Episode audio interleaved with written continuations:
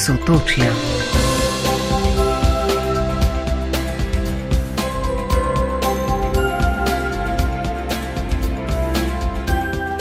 Dobar večer, lepo pozdravljeni vsi, ki ste se odločili za družbo rojakin in rojakov iz sosednjih držav.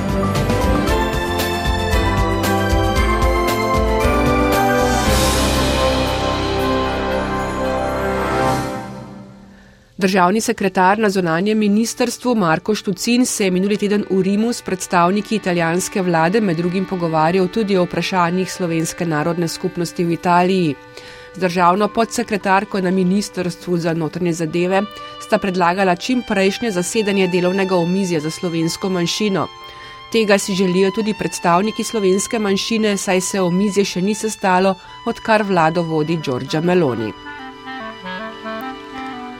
Statut dežele Furlanije Julijske krajine bi morali dopolniti z omembo manjšin, je dejal predsednik deželnega sveta Piero Mauro Zanin, na slovesnem zasedanju ob 60. obletnici sprejetja posebnega statuta dežele, ki ga je italijanski parlament izglasoval 31. januarja 1963. Za njim je največ pozornosti v svojem govoru namenil prav pomenu manjšin, ki še edine predstavljajo razlog za posebnost furlanije Julijske krajine, je dejal. No, mi bomo nocoj gostili slovenska tržaška literata, dobitnika nagrade Preširnovega sklada Dušana Jelinčiča, in Marija Čuka, ki je dobil prvi prevod svojega dela v nemščino, tudi v luči letošnjega frankfurtskega knjižnega sejma. Koroški državni zbor je soglasno sprejel novi zakon o otroških vrtcih, ki med drugim uvaja brezplačno otroško skrbo. Starši bodo od jeseni naprej plačevali zgolj stroške prehrane in gradiva za dodatno ponudbo. Slovenske krovne politične organizacije so pripravile skupno stališče in ga posredovali tudi predlagateljem, zadovoljstvo s prejetim pa se razlikuje. O tem več v eni prihodnjih oddaj nocoj gostimo novega predsednika Slovenske prosvetne zveze. To je postal Mitja Rovšek, ki bo še naprej tudi poslovodja zveze. O projektih, med katerimi je tudi zagon profesionalnega gledališča, podrobneje v nadaljevanju. Maja bodo na Hrvaškem potekale volitve predstavnikov narodnih skupnosti, kako se na manjšinske volitve pripravljajo slovenci v Zagrebu, bo pojasnil Darko Šonc, predsednik sveta in član Hrvaškega sveta za narodne skupnosti ter predsednik Slovenskega doma Zagreb. V porabi so se konec tedna sečala kmetijska ministra Slovenije in Mačarske Irina Šinko in Ištvan Nač. Tam živeči slovenci so jima predstavili svoje delo in spregovorili o najbolj perečih težavah. Podrobneje o tem v drugem delu oddaje, ki bo predvsem v znamenju slovenske kulture. Sotočja.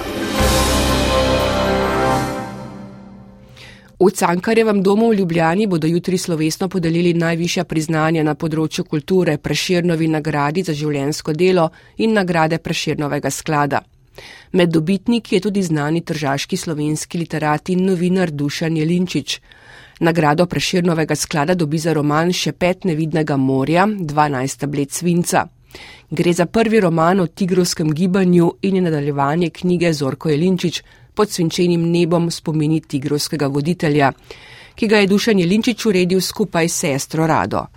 Še pet nevidnega morja, 12 tablet svinca je Dušan Jelinčič napisal za natečaj založbe mladika in slovenske prosvete ob 90. obletnici ustrelitve bazoviških junakov in 100. obletnici požiga Narodnega doma v Trstvu. Roman so literarizirani spomini očeta Zorka Jelinčiča, so ustanovitelja Tigra, na njegova zaporniška leta in Dušan Jelinčič priznava, da ima med vsemi romani, ki jih je napisal, posebno mesto. No, napisal sem eh, že sedem ali osem romanov in ta ima po mojem izjemno pomembno mesto, čeprav je pač kratek, ampak je ga zelo občutil in jasno, ko je zadnji roman, je tudi zelo pomemben. Pomemben je tudi zato, zato ker se me osebno zelo, zelo tiče. No, se zadnji opisujem zgodbo mojega očeta in če jo kome sedaj prvič literalizirano opisujem, pomeni, da je en razlog. Pomeni, da sem prav potreboval nekaj, da me je v to nekako stililo in to je bilo pisanje tega romana. Sicer svoj čas sem že mislil napisati daljši roman o tigru, to bo tudi napisal, ampak sredstvo mojemu očetu, ki je ustanovil in tudi vodil to organizacijo, še nisem se upal zagriziti. zagriziti.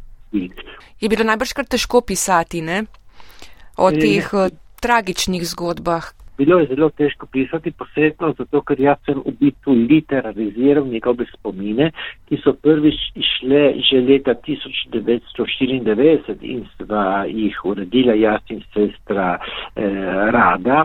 Od taka že minilo veliko let in jaz sem sedaj končno čutil in da je napočil čas, da pač eh, tudi literariziram. To se pravi, da poleg golih dejstev, ki jih je pač napisal v spominih, moj oče, jasno spomini so gole dejstva, sem jaz hotel poglobiti to, ta, ta njegove argumente, zato ker jaz mislim to, da o tigru so pisali že zgodovinari in so povedali vsega in mislim, da zgodovinskega stališča je vse jasno. Sve pa mislim, da so na vrsti pisatelji, ki morajo še nadgraditi to zgodovinsko pisanje in se poglobiti v protagoniste tistega časa.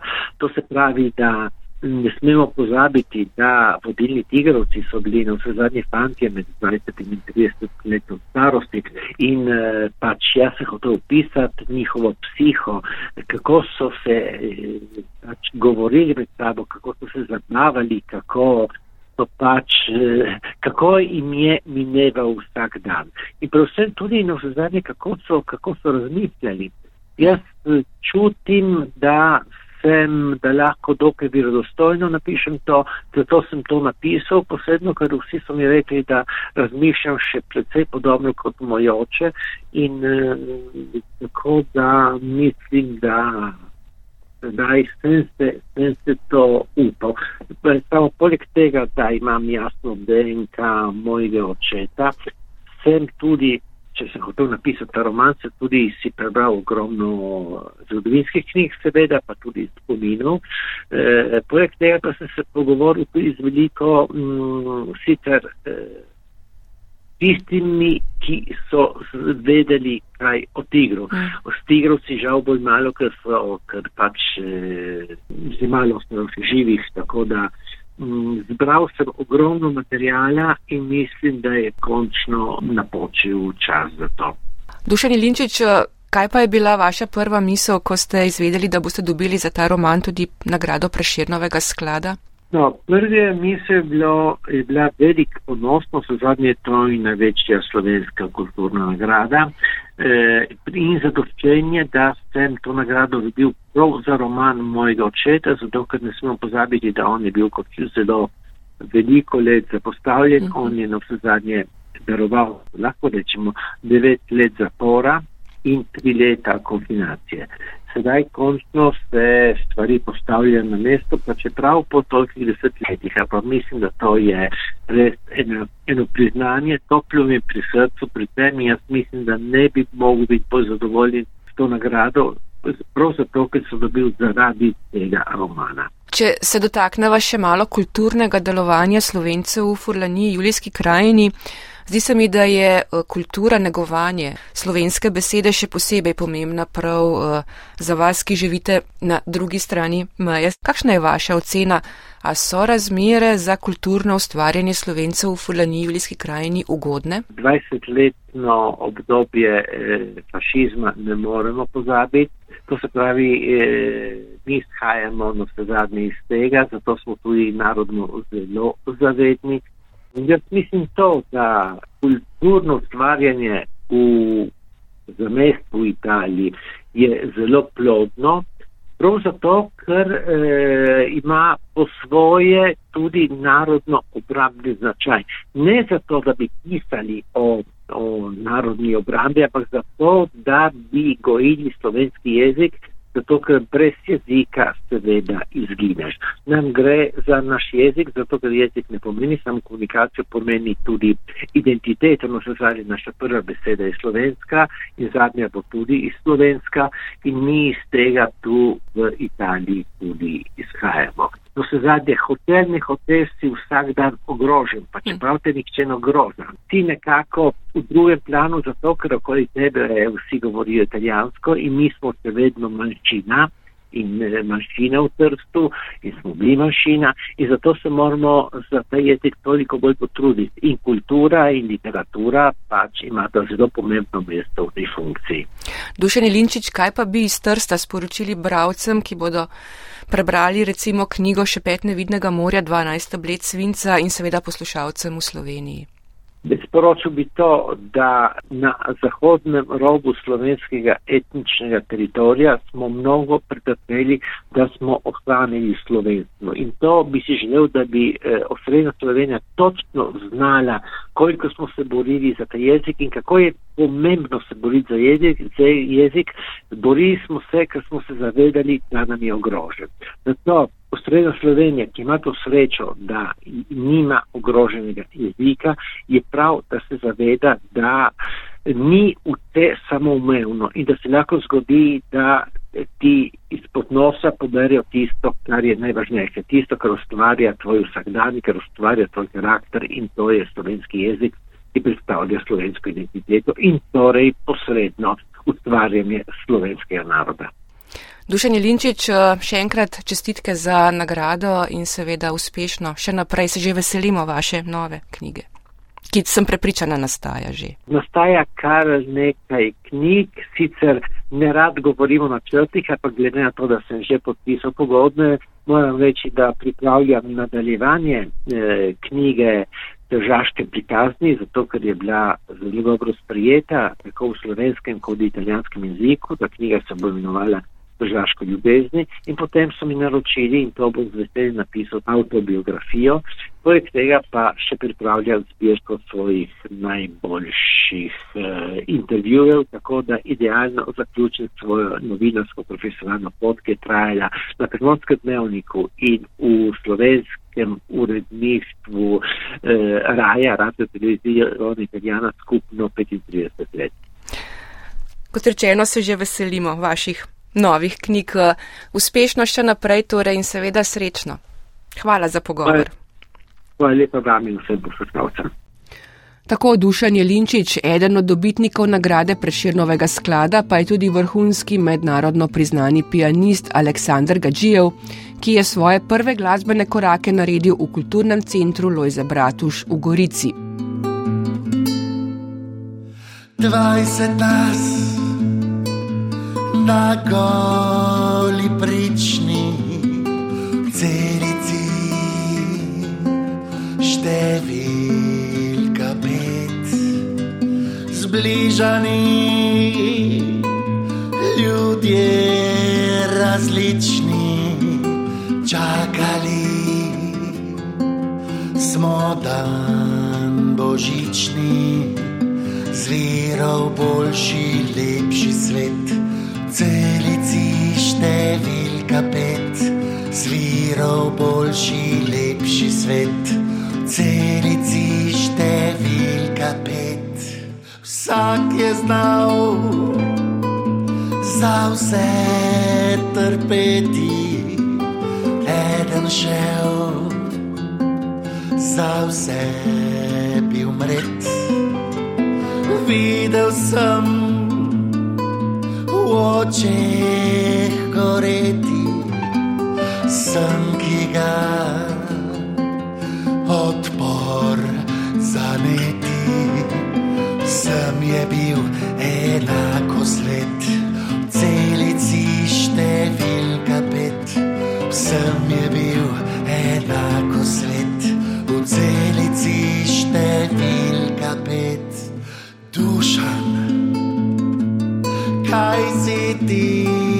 zagrešil, komaj ti je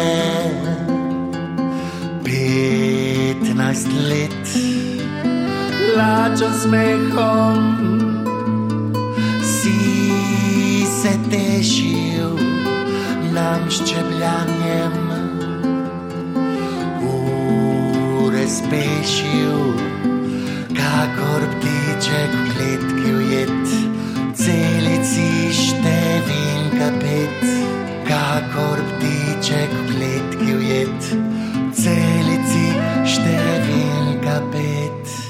Bil je božič, mi preslame, ko je prišel Bog na svet. Stisnili smo skupaj rame,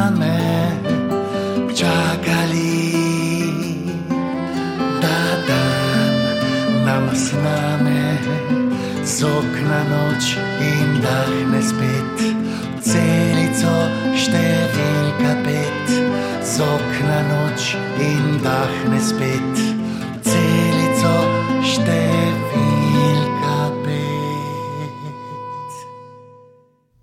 Pa je bila pesem Iga Grudna, celica številka 5, ki jo je uglasbil Aljoša Saksida. Mi ostajamo pri literaturi Vse gube ljubezni, Ale Fugander Libe je naslov zbirke poezij tržaškega slovenskega literata Marija Čuka, prvič prevedene v nemški jezik. Moči sta združili založbi Mladika iz Trsta in Celovška Mohorjeva. Poezijo Marija Čuka je v nemščino prevedel Horst Ogris, urednik Mohorjeve Hanzi Filipič pa med razlogi za sodelovanje omenja tudi frankfurtski knjižni sejem. Seveda, gospod Maričuk ima veliko stikov tudi s Koroško, z Avstrijo in smo tudi zaradi tega se odločili, da bomo um, so založili to knjigo in seveda malo tudi v pogledu na to, da bo Slovenija častna gostja v Frankfurtu, uh, da tudi poskrbimo uh, za distribucijo, ker jo imamo v nemškem, nemško govorečem prostoru, tako v Avstriji kot tudi v Nemčiji, tako da bo knjiga dobavljiva, zdaj tako rečem, v vse, vseh knjiganah v, v Avstriji in v glavnem tudi v južnem delu Nemčije. Seveda pa tudi v drugih predeljih, ker bo pač možno, da jo ljudje tudi naročijo v nemško govorečem prostoru. Tržaški slovenski literat, gledališki kritik in novinar Maričuk ima obsežen opus in je med drugim izdal več kot deset pesniških zbirk. Prvič pa je njegovo delo prevedeno v nemščino, kar je bila zanimiva izkušnja, pravi urednica mladike Nadja Rončeli. Vodilna tema pesniške zbirke Vse gube ljubezni je eksistencialna, o obstoju in nemoči človekove biti v današnjem razkrojenem svetu, kot je v spremni besedi zapisal Boris Patrnu.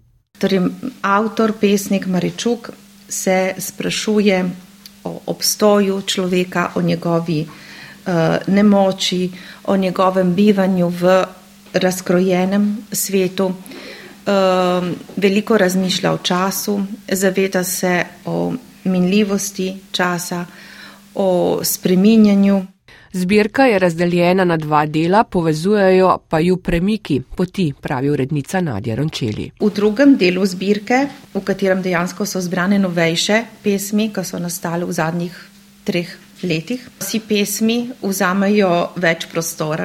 Ljubezen ni samo pot, kot pravim, v dvojino, kakršno koli dvojino, ampak je pot v filozofijo življenja v lepoto bivanja.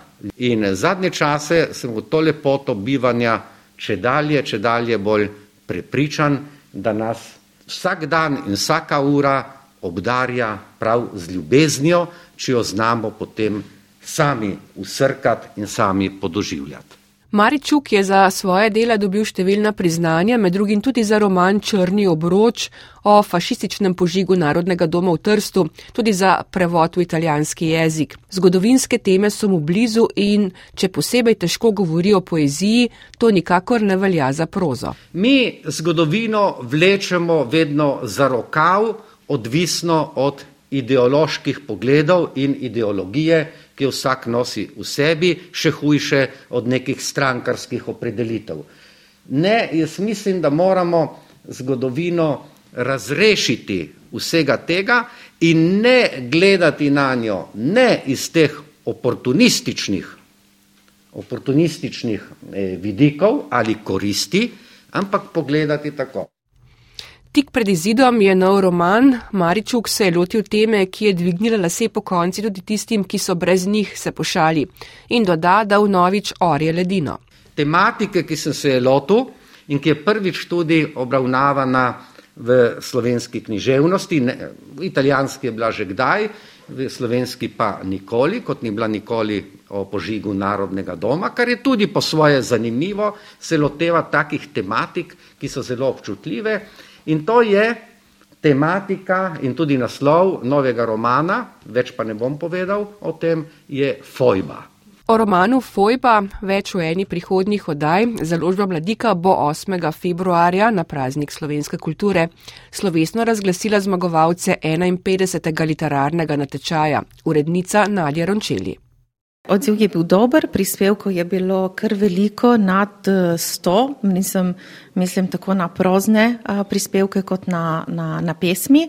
Potem pa bo um, razglasitev in slovesno nagrajevanje hkrati prav na slovenski kulturni praznik z kulturnim programom, slavnostnim nagovorom, z glasbenimi uh, uložki, tako da bomo priredili uh, lep praznik literarnega natečaja, ki je dejansko eden izmed najstarejših v slovenskem prostoru, saj se ga udeležujejo avtori, pisci tako za zamejstva kot predvsem predvsem z matične, z matične domovine, pa tudi nekaj prispevkov iz domstva vsako leto dobimo, kar je, kar je lepo, da se, da se utrjuje, utrjuje v zavesti. Kako pa je z mladimi slovenskimi literati in literatkami iz Italije? To ni kar tako enostavno, ne? vse manj ljudi recimo, se odloča za, uh, za pisanje, tudi recimo na šolah je vse manj takih literarnih natečajev, literarnih krožkov, uh, literarnih revij.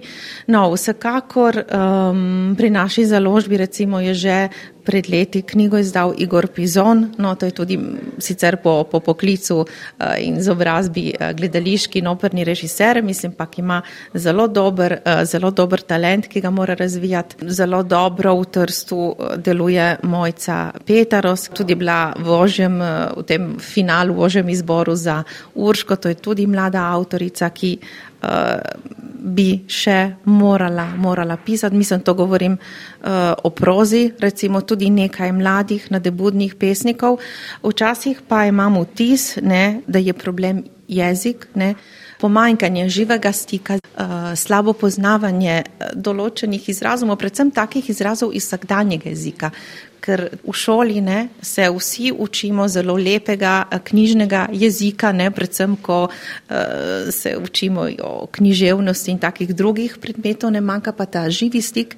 In vtis imam, da je pri mladih avtorjev prav to, prav to problem, prav to ovira, ne, uh, da želiš nekaj povedati, pa besede ti zmanjkajo. To pa je problem, ne, neke rešitve no, bi morali najti na tem področju, ker sicer bo res to literarno ustvarjanje eh, pri mladih usahnilo. Morda tudi kot neko rezidenčno bivanje v Sloveniji, kot neka ne vem, knjižna rezidenca. Ja, to, to verjetno bi bila rešitev, čeprav marsikdo verjetno na, na to ne pomislim zaradi te geografske bližine Slovenije, ampak kot recimo v šolah ne uvajajo med šolskim letom programe, da se dijaki pridijo izpopolnjevati v slovenščini v Ljubljano, ne, to bi bilo res uh, kakšne namenske rezidence za mlade, pišoče, uh, avtorje, to res bi bilo mislim, da bi to bi bila primerna rešitev. Tako urednica mladike Nadja Rončeli in ker smo pri tržaških slovenskih literatih, eden tistih, ki je pomembno zaznamoval slovensko književnost, je tudi Miroslav Košuta.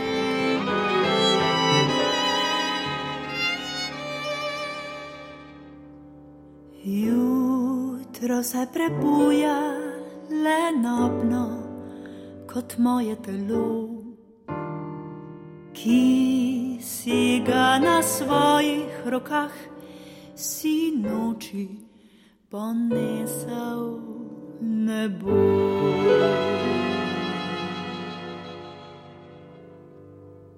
Zasusi me zvezdami na nočni palubi, zasusi me zvezdami, izmil me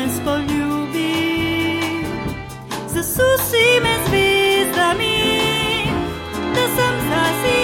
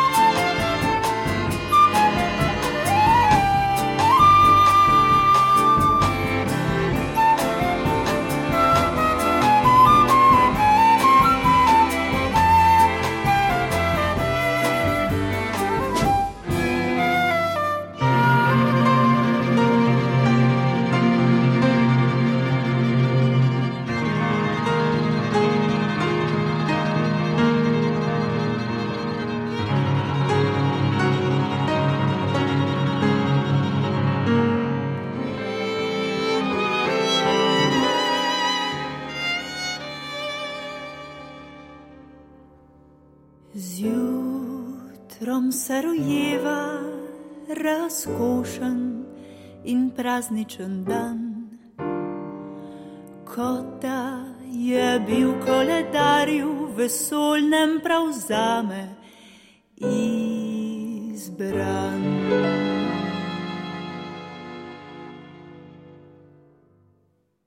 Zasusi me zvezdami na nočni palubi. Zasusi me zvezdami, izmil me s poljubi. Zasusi me zvezdami, da sem zasijala in zvezda med zvezdami s tabo ostala. Zasusi me zvezdami na nočni palubi. Zasusi me zvezdami, poljubi. Zasusi me zvezdami, da sem zasijala in zvezda med zvezdami s tabo ostala. In zvezda med zvezdami bom s tabo ostala.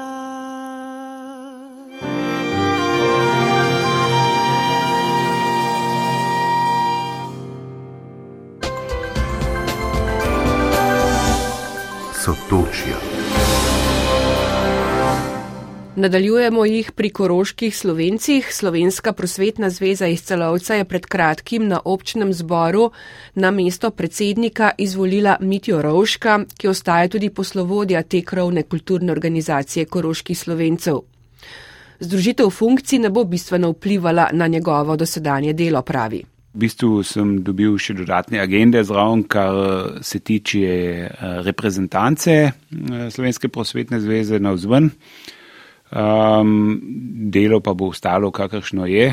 Mi delamo v timu, v izvršnem odboru.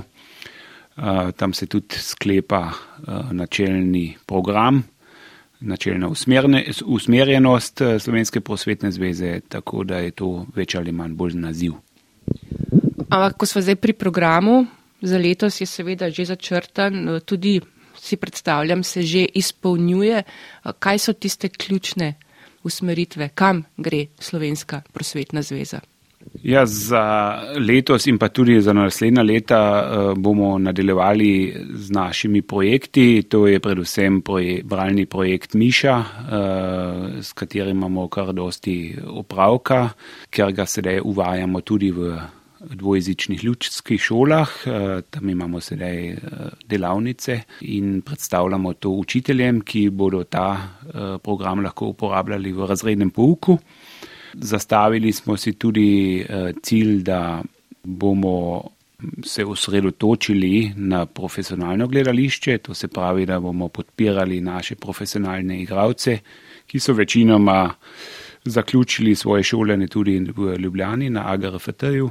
Uložili smo tudi projekt Slogled, smo ga poimenovali. To je v bistvu spletna zbirka vseh gledaliških dejavnosti na Koroškem, zgodovinsko kot tudi aktualno, z forumom, z blogi in tudi z online tečaji za dihalne vaje, govorniške vaje.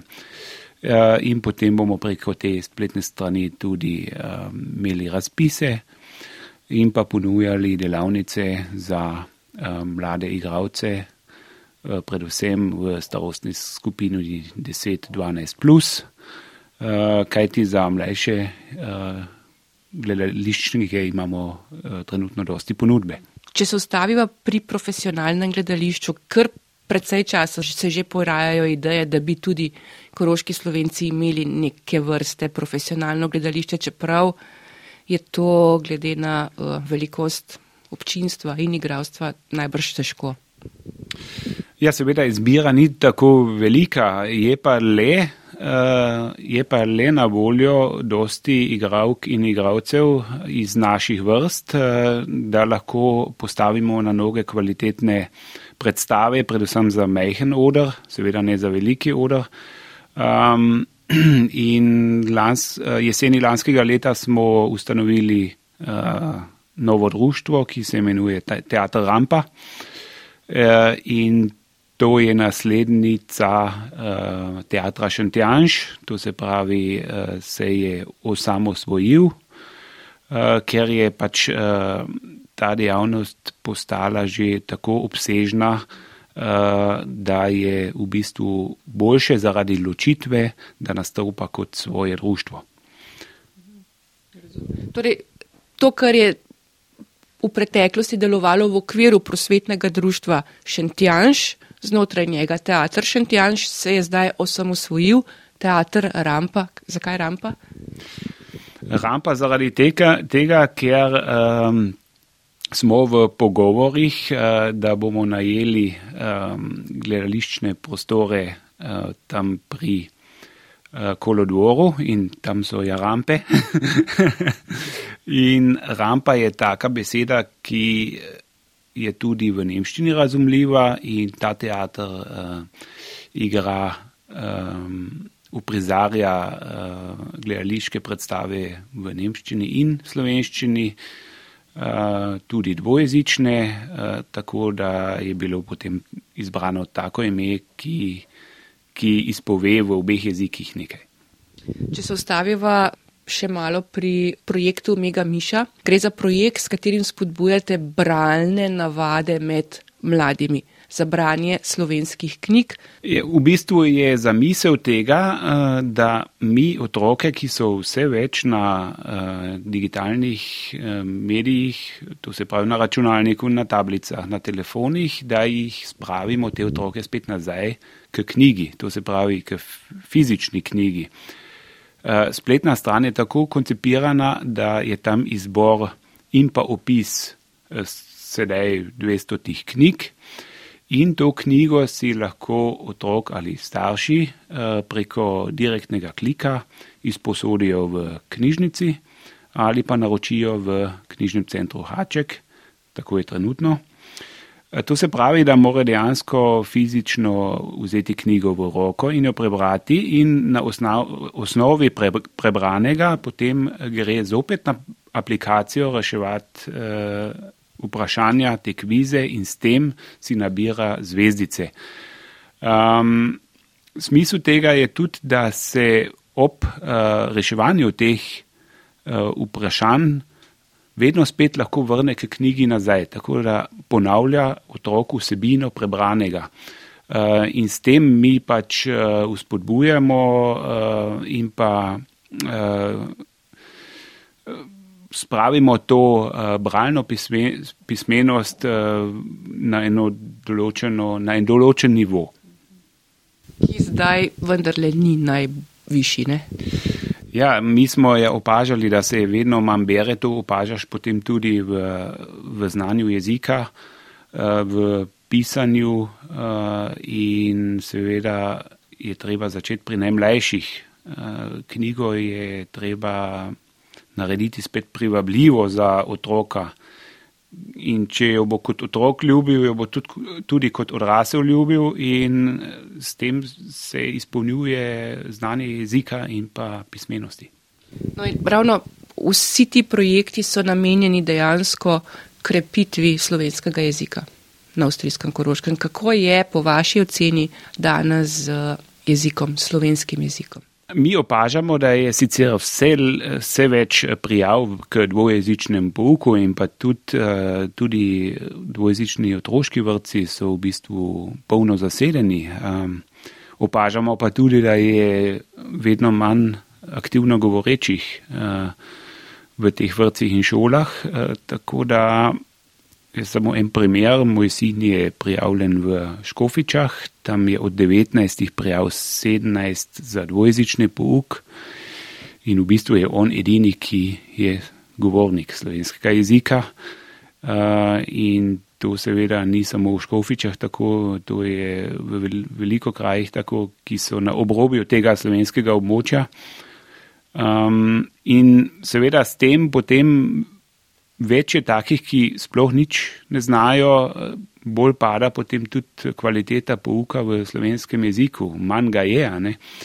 In tukaj vidimo problem in z našimi projekti pač tudi poskušamo podpreti šole v njihovem delovanju uh, za učenje slovenskega jezika in upam, da, bo, da ne bomo še bolj nazadovali, ker uh, je situacija gotovo že nekoliko kritična. Slovenski kulturni praznik je tudi za uh, slovence v sosednjih državah zelo pomemben. Mislim, da je eden najpomembnejših slovenskih praznikov. In tudi letos boste skupaj pripravile organizacije v srednjo proslavo. Ne? Ja, kot vsako leto, um, v zadnjih dveh letih je to potekalo po digitalnih medijih. To se pravi, da nismo opustili tega važnega praznika za nas in letos bo to spet v živo v URF teatru. Uh, osnovna tema je mir in Marjan Štikar bo s svojimi uh, učenci, gledališkimi učenci, uprizoril recital na to temo mir. Glasbeno pa jih bodo spremljale praprotnice.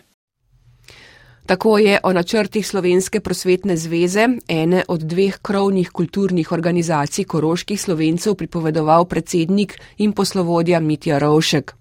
Zdaj pa še praprotnice, ki bodo nastopile 9. februarja na osrednji slovesnosti ob slovenskem kulturnem prazniku v ORF teatru v Celovcu. Proslava bo potekala pod naslovom Oh, kako se po rožah toži mi. No, še pred proslavo v celovcu pa bodo praprotnice nastopile v naši oddaji in sicer s pesmijo Ubijalci niso več med nami znanega koroškega slovenskega pesnika Andreja Kokota. Ubijalci niso več med nami. Njihovo rdečo sled prerašča nežen mah. Die Mörder sind nicht mehr unter uns. Ihre blutige Spur überwuchert zartes Moos. Bolečina njihoga rezila razpada v prahu rje, ki dosledno žre resničnost ostrih mečev. Njena ustrajna moč je izgnala tolpo rabljev iz naših krajev. Der Schmerz ihrer Klinge zerfällt im Roststaub der Konsequenz. Die Wirklichkeit der scharfen Schwerter verschlingt. Seine beharrliche Kraft vertrieb die Henkersbande aus unseren Orten.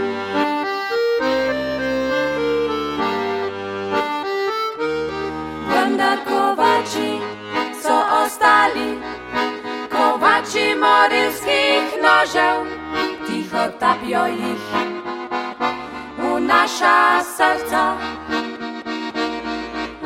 Se z njimi zabadamo med sabo in si se samo lastno kri. Resničnost rje jim tam ne more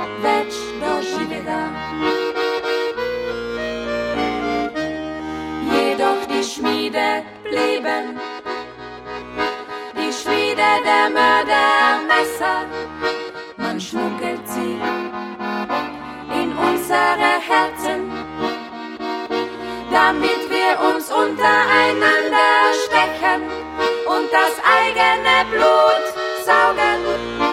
Die Wirklichkeit des Rostes kann ihnen dort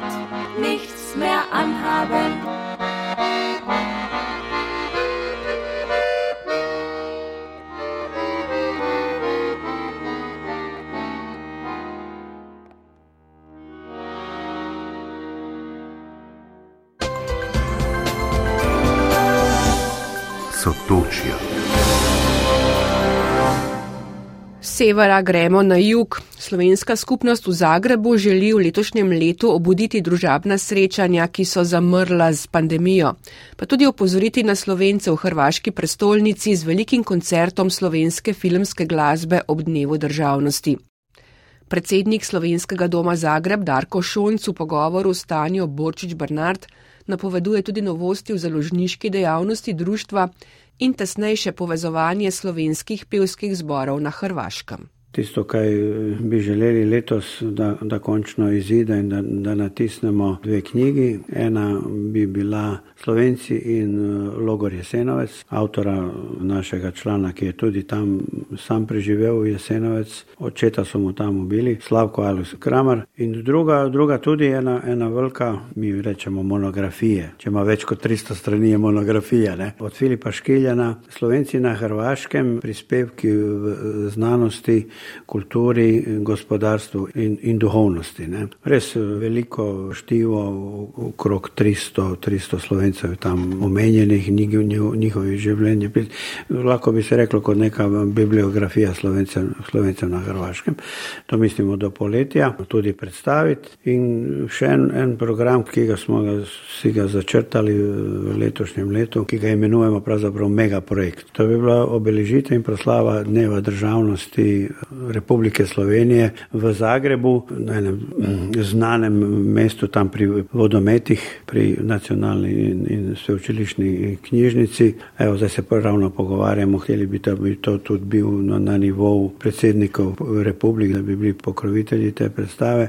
Pravzaprav en, en mali spektakl, ni mali, za nas je mega. Simfonični orkester Slovenske radio televizije bi igral na tem modru, ki bi ga tudi posebej postavili, znane melodije iz slovenske slovenskih filmov ki jih tudi hrvaška publika jih pozna iz Vesne Kekeca, pa še nekaj malo dodatnih eh, dogajanj. To bi bilo zdaj, kaj imamo na črtih do poletja. Časi korone so minili, verjetno se vračajo tudi kakšne dejavnosti eh, društev, ki delujejo znotraj slovenskega doma oziroma teh kulturnih eh, skupin. Ja, to smo opazili. Korona je pač pustila svoje posledice, tudi ko organiziramo predavanja, predstavitve. Vidim, da je publika občinstva je številčno palo. Ne? Zato smo zdaj tudi začeli s temi programi združenji vsak, vsak prvi petek na mesec, ki je bilo včasih tradicionalno in to je bila polna dvorana, ne. živahno pelo se je, plesalo se je, in zdaj je to vse nekako v manjšem obsegu. Tako da bomo tudi te petke znova zorganizirali. Naše te skupine, ljubiteljske, amaterske, še delujejo še vedno, to je sigurno pevski zbor, dva pevska zbora, duhovne sekcije, slovenske maše vsako, vsako drugo nedeljo in pevski Pevski zbor slovenskega doma. Pridno vadijo zopet, smo se zdaj zmenili, da bomo organizirano začeli nastopati z drugimi, drugimi slovenski zbori ali pa se med, med sebojno, da se obiskujemo. Slovenci na Hrvaškem imamo štiri pevska zbora, Split, Pula, Zagreb, Bazovica. Tu smo si najbližji, pa nekako je to, prekinili smo te, te, te vezi in tudi tu neka gostovanja pripravljamo s pevskim zborom v Mnoštru in tudi v Novi Sadu bomo videli, če bo, koliko bo sredstev. Še ne vemo letošnje leto, kako bomo finančno to zaokrožili in vse skupaj speljali. Eh, imamo to kreativno delavnico Šopek, oni pridno delajo, vsaki teden se sestajajo. Zdaj imajo tudi načrte, da bojo začeli malo eno novo tehniko, keramiko, ampak bomo, evo, aktivni smo in upam, da bo vse šlo. Učenje slovenskega jezika? Dopolnilni pouk to poteka tu, končno lahko rečem po metodi C. To bomo začeli v gimnaziji Lucijana Vranjanin. Zadovoljni smo z tega, ko je, imamo tudi učitelja, ko prej je bil problem, da smo našli šolo, pa nismo imeli učitelja nismo imeli učbenik. Zdaj imamo učbenike, imamo vse, imamo učitelja gospod Plut, ki se preselil iz Slovenije v Zagreb, on je drugače na osnovni šoli, predaja slovenščino, tako da bomo končno tudi to speljali, ta pouk po metodice. Kaj pa slovenski pouk v prostorih eh, sveta nacionalnih manjšin? To smo začeli, celo smo imeli eno uro. Ne? Iz doma smo šli tam, zato ker je lažje za parking. Eh, in to bomo zdaj obnovili, znova naredili še eno anketo pri starših. Zdaj smo že pametnejši, imamo telefonske številke, naslove, tako da jih bomo poklicali in bomo tudi to realizirali. Letos bodo na Hrvaškem volitve manjšinskih svetov. To je po ustavnem zakonu drugi vikend v maju. Ha, zopet kandidaturo, govoriti, predlagati kandidate. Slovenski dom predlaga kandidate za, za svet, kot so vse, vse naši člani. Nažalost, nekaj teh članov v, v teh štiri letov ni več med nami. Ne. Bomo predlagali nove, nove člane, prej se moramo tudi te nove člane, ki bojo kandidati, da se sedemo, sestanemo in da jih, da jih nagovorimo, na, da bojo bolj aktivni in da tudi sama slovenska skupnost enostavno ve, kje so možnosti in da, kje lahko se črpa iz ustavnega zakona. Mislim, to je ena tematika, ki ima vse menšine, ko enostavno ta zakon še ni zaživel, ampak vidite, da je to je lepa možnost. Ne. Edini pozitivni primer je svet slovenske nacionalne menšine, mesta Zagreb in, in je podprto tudi finančno od mesta Zagreb. Kaj pa delovanje sveta za nacionalne manjšine, kaj lahko pričakujemo? Slovenska skupnost je tudi že v prejšnjem mandatu, tako smo se zmeli v naših načrtih za, za te večje, pomembnejše programe, da gremo enostavno skupaj, ne samo glave, nego tudi finančna sredstva damo skupaj, da lahko naredimo in predstavimo potem bolj kvalitetne programe, ki so potem lahko tudi pričakujemo večji obisk. To je poanta vedno, če se nekaj trudiš, delaš, poanta je v tem, da, da je polna dvorana ali pa če imaš neki zune na neki. Na na odprtem. Ne. Predstavnik v svetu za nacionalne manjšine, predstavnik slovencev ste vi, se boste ponovno kandidirali? Ne vem, premišljujem, prej da neko ja. Mislimo, da bi, da bi mlajši, ne mlajši. Mlajši so po principu nezainteresirani in tu, tu je problem. Ne. Moraš nekaj znati o slovenski menšini, o zgodovini, da, ampak iščemo še vedno kandidata in preda neko ja, da se bomo kandidirali. Za predsednika, člana sveta ja, le imam neke izkušnje, neke znanja, lahko pomagam v bodočnosti ne, neki osebi, ki bi to želela prizeti, ampak končno, ki bo izbrana. Ne. Slovenski dom čaka še ena velika naloga letos, to so prostori, ki so prav tako vključeni v ta operativni načrt eh, hrvaške vlade za nacionalne manjšine. Eh, imate kakšne informacije, kako napreduje to? Pa zdaj smo prišli do, do, do tega, komisija je ocenila prostor, to je zdaj na, nismo niti vedeli, da je to ta procedura. Potem ta ocena gre na, gre na, na revizijo v državno odvetništvo, da, da se vidi, če je to pravno, hrvaška država lahko nam omogoči to odkup. In to je zdaj neki v postopku. Mesečno enkrat jaz pokličem gospod državno sekretarko, mogoče sem že malo tečen pri njej, ampak je rekel, bom vas jaz poklicala, ko bom dobila prvo neko obvestilo ali pa ali neko novico. Ja, upamo, da bomo to leto speljali in končno potem pa gremo zaokrožiti to odkup, eh, krediti, bančna eh, garancije. Tu pričakujemo tudi pomoč od urada finančno. In letos sem končno neki optimist, ko zdaj ne vem, kaj bi se še lahko zgodilo, da ne bi dobili to dovoljenje ali pa ta sklep od hrvaškega ministrstva. Imamo smolo z ministri, ne, ampak to, to, to mora minister podpisati. Ne. Ampak upamo, da zdaj bo, bo, upamo. Tako predsednik slovenskega doma Zagreb Darko Šonc, mi nazaj glasbi. V tokratni oddaji premjerno predvajamo pesem z albuma Nikolaja Efendija, koroškega slovenskega glasbenika, ki ustvarja na Dunaju. Album ima naslov Dovolj, pesem pa Prisoten. Navajen ja, vsaj na polju. Zakaj? naj bi kdaj prišel obup.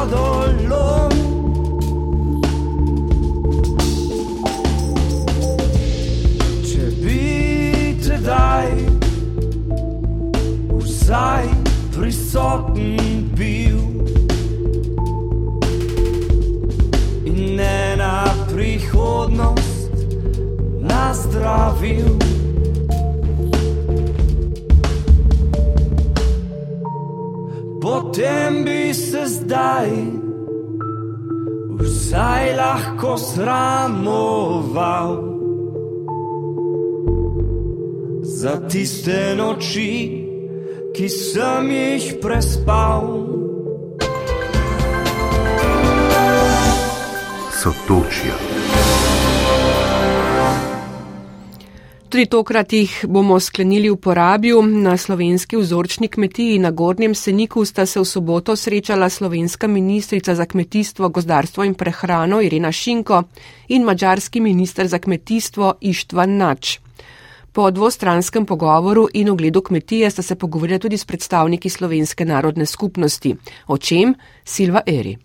Ministra, ki sta največ časa namenila aktualnim kmetijskim temam, kot je škoda, ki jo povzroča divjato v obmejnem prostoru in zaščita pred afriško prašičjo kugo, sta izpostavila tudi vzorčno kmetijo, ki ni pomembna le iz vidika razvoja kmetijstva, ampak je tudi pomembna točka, ki veliko pripomore k ohranjanju slovenstva v porabju. Ta vzorčna kmetija tukaj je zelo pomembna, tako z vedika razvoja kmetijstva, z vedika narodne skupnosti, kot tudi z vidika ohranjanja slovenskega jezika na tem področju. Ministrstvo za kmetijstvo, gozdarstvo in prehrano Republike Slovenije pa nekako ima sklenjeno tudi pogodbo z Mačarsko narodno skupnostjo, kjer bomo ravno tako na območju Mačarske narodne skupnosti sofinancirali tako vzorčno kmetijo v Sloveniji. Tako da je to sodelovanje med državama res vzgledno in pa tradicionalno in se bo tudi z najnim sodelovanjem nadaljevalo. Je dejala Irena Šinko. Podobnih misli je bil tudi njen mađarski kolega. Nagy öröm, hogy itt lehetünk ebben a mintagazdaságban, hiszen mire is szolgál, milyen célt is szolgál egy-egy ilyen mintagazdaság. Azt gondoljuk, hogy csak arról szól, hogy egy mezőgazdasági termelést mutatunk be, és egy hagyományos gazdálkodást mutatunk be. Ištvan Nač je povdaril, da ne gre le za kmetijo, ampak tudi za prostor namenjen ohranjanju kulture in tradicije slovenske narodne skupnosti. Mačarskega kmetijskega ministra so porabski slovenci seznanili tudi s težavami, s katerimi se slovenska vzorčna kmetija ubada zaradi neustrezne zakonodaje. Predsednica Zveze slovencev na Mačarskem Andreja Kovač. Vsekakor so to kmetijska površina, ne, ker uh, razvojna agencija kot taka kmetijsko zemljišče na Mačarskem ne more kupiti, oziroma to je bil zakon dotlej. V mestu spremenili, ampak tudi tukaj, oziroma marsikaj moraš dokazati, da lahko prideš do tega. Za kmetijo bi bila dolgoročna rešitev, da se kmetijsko zemljišče odkupijo, zaradi tega, ker takrat nisi odvisno od nobenega in seveda prvo vprašanje, prva prošnja je šla uh, za to področje. Uh, drugače smo se pa pogovarjali tudi o tem, da uh, porabje je izredno razdrobljeno ne? in imamo male parcele. Dejansko naši kmetje, pol kmetje obdelujejo tukaj mogoče tudi kar nekaj hektarjev, ampak na malih površinah. In uh, seveda za male površine pa ni subvencije. Vemo, da sedanja generacija to še obdeluje, ampak kako bo v bodoče, pa ne vemo, v koliko ne bodo za to dobili nobeno subvencijo, vedoč, da drugje pa dejansko za to še dobijo tudi subvencijo, da obdelajo zemljo. Ne? In tukaj smo posebej prosili tudi mačarskega ministra, da se mal preveri, a ni možno, da smo saj v del nacionalnega parka, da je tukaj uh, Natura 2000, da se uvedejo neki ukrepi prav za to področje, za taka področja, kjer so male parcele, da se z njih zagotovi, da tudi za te manjše dejansko pridobijo subvencijo. Uh, zdaj, marsikaj smo še omenili, izpostavili smo tudi um, prošnjo slovenske skupnosti, da podobno kot se izvaja program za področje uh, razvoja gospodarstva uh, avtohtone slovenske narodne skupnosti, uh, da bi mogoče, oziroma mi bi bili veseli, če bi se našel nek fond za kmetijsko de delo tudi. Jaz bi bila menenja, da bi bilo to izredno pomembno, oziroma prvič, da ostanejo še naprej pol kmetje, da še naprej obdelajo zemlje, zaradi tega, ker dokler bodo oni obdelali zemljo, do tistega časa zemlja v porabju ostane v lasteh slovencev ker vseeno moramo vedeti, da ogromno uh, prišlekov imamo tukaj v to pokrajino, ki množično delajo na tem, da odkupujejo kmetijske površine in drugi, tudi uh, druge parcele, tako da to bomo lahko preprečili takrat, če bomo angažirali, če bomo lahko na nek način pridobili naše kmete, pol kmete, da s to dejavnostjo ne končajo, da delajo naprej. Seveda zato je pomembno, da dobijo neko podporo in seveda subvencijo. Srečanje z obema kmetijskima ministroma je pozitivno ocenila tudi zagovornica slovencev v mađarskem parlamentu Erika Kuleškiš. Vsekakor smo omenili, da na gospodarskem področju hočemo stopiti naprej. Še naprej, ker smo nekaj izstopajev že naredili, nekaj korakov smo naredili, ampak smo uh, v tisti situaciji, da imamo en mlin, ki je zelo pomemben za celo porabje, ampak ta mlin eh, želi, da ga obnovimo, da ga postavim nazaj v svojo funkcijo in smo eh, rekli, da bi bilo lepo, če bi eh, dobili podporo za obnovo tega oziroma da bi lahko napredovali tudi na tem področju, da bomo imeli zemlišče, kam bi sejali naprimer ajdo, katero bi obdelovali v mlinu in smo tudi povedali našemu ministru, da bi radi odkupili oljarno, saj bučno olje je značilno za slovensko porabje, ne pa za uršeg in zdaj bučno olje poznamo kot zeleno zlato uršega in sem prosila naj, naj nam pomaga pri tem, da porabsko bučno olje bo prišlo na seznam in bo dobilo znamko kot naš pridelek. In vmes sem omenila tudi, da oljarna je še sedaj tukaj, tista oljarna stara, v kateri so začeli že uh, v 20 letih prejšnjega stoletja delati bučno olje. In mi bi to rado, radi odkupili. Zdaj je naš minister Ištvan Naj rekel, naj z predsednikom državne slovenske samouprave enkrat prideva do njega s konkretnimi podatki, koliko stane to in ono in bojo poskusili najti nekakšne vire, da bi to odkupili. Prav tako sem omenila, da v Števanovci je pa žganjarna, katero namerava že državna slovenska samouprava tudi odkupiti. Seveda denar smo čakali od sklada, ne vemo, kdaj se to uresniči, ne bi pa radi prišli v situacijo, da žganjarno prej proda sedajni lasnik. Zaradi tega smo prosili, da naj nekako pomaga pri tem tudi, da odkupimo to, saj tudi svoje produkte lahko dobimo preko naše tako imenovane porabske palinke. Pred nami je naloga, da se stavimo vse te želje in bomo šli do ministra. S tem, da smo tudi prosili za male kmeti podporo, je imel ene ideje, katere uh, konkretne razpise nam je omenil, na kateri se lahko uh, prijavijo naši mali kmeti in upamo, da s tem lahko pomagamo tistim, ki hočejo naprej kmetovati, se ukvarjati s poljedelstvom ali živinorejo. Tudi za njih se bomo poskusili poskrbeti še zagotavlja zagovornica slovencev v mađarskem parlamentu Erika Keleš-Kiš.